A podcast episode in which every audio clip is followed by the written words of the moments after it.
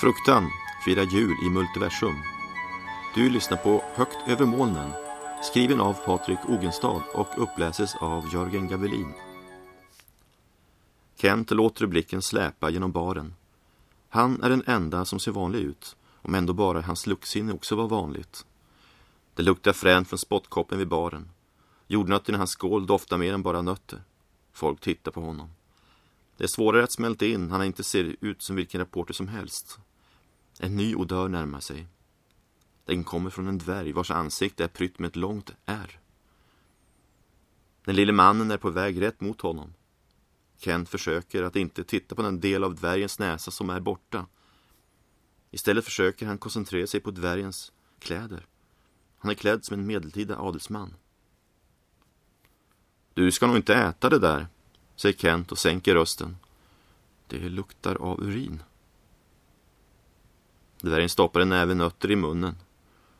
Det är nog mer piss i ölet än vad som får plats i glaset med nötter ändå. Lika bra att vänja magen, säger han och rör vid Kents glas. Ser du reporna här? Han vänder, sedan vänder han blicken mot baren.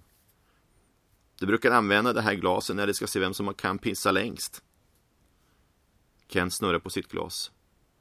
Var skulle reporna komma ifrån menar du? Dvärgen nickar mot baren. Han, den store, har lite problem med sina arbetstider. Så här vid jul brukar han köra lite för hårt och jobba dagarna i sträck. En gång hann han inte med sina behov och vid nyår hade han fått njursten, men han ville tävla ändå. Jävla vad han skrek och stenarna klingade mot glaset. Det var lite som den där sången du vet. Hej tomteglubba stå i glasen och lustigt vi hade. Riktig julstämning. Kent blir osäker om det är dvärgen eller hans öl som luktar. Han ska flytta på den så att inte dvärgen rör vid den igen, men råkar spela ut den. Han behöver inte ens spela klumpig den här gången. Känner jag dig? frågar han. Dvärgen pekar upp i taket. Nej, jag ville bara sitta under misteln. Medan Kent synar dvärgens trasiga näsa så vinkar den lille mannen över en servitris. Kent behöver inga, ingen supersyn för att se igenom servitrisens genomskinliga topp. Och Tyron, säger hon och ger dvärgen en aggressiv kyss. Jag satt nästan under misteln, muttrar Kent. Jag kommer från en rik familj, förklarar Tyron. Jag älskar pojkar med pappas pengar, säger servitrisen med tindrande blick och kryper upp i dvärgens knä. Tyvärr var vår vän Clark här föräldralös. Stackaren blev upphittad på en åker när han var liten. Kent letar ord. Han håller fortfarande i öglaset som spricker i hans hand. Lugna dig. Din hemlighet är säker hos mig. Hämtar du varsin mojito till mig och min tystlåtne vän? Servitrisen hasar ner från Tyrons knä och går bort mot baren. Det är bra, jag vill inte ha någon mojito. Klart du ska ha, jag bjuder. Det är alltid gratis här. Bartendern tror att jag är en av hans nissar. Han ber alltid om ursäkt när han ser mig. Något om en slädolycka. Jag tycker inte om drinkar med grönt i. Tyron skrattar. Det finns ingen som kan skada det här. Vem är du egentligen? frågar Kent. Ah, jag är en sån där som har många namn trots att jag aldrig varit, varit kärt barn. Folk har kallat mig både jätte och missfoster. I natt ska jag be den där servitrisen kalla mig Stålmannen. Kent känner hur hans ögon smalnar av.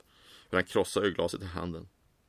Han ska precis säga några väl valda ord när servitrisen kommer tillbaka och ställer en mojito precis framför honom. Hörde jag en skål? säger Tyron och dricker.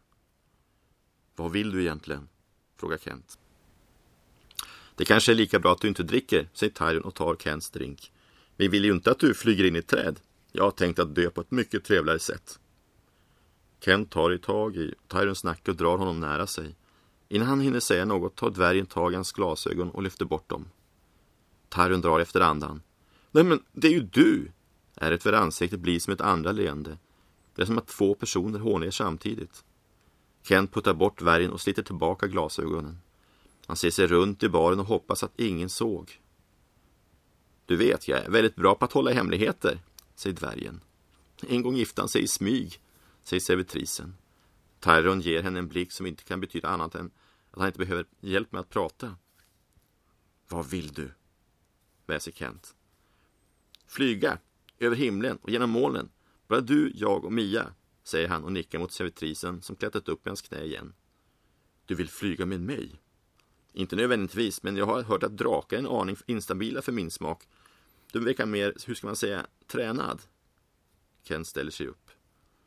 Jag ska nog gå nu.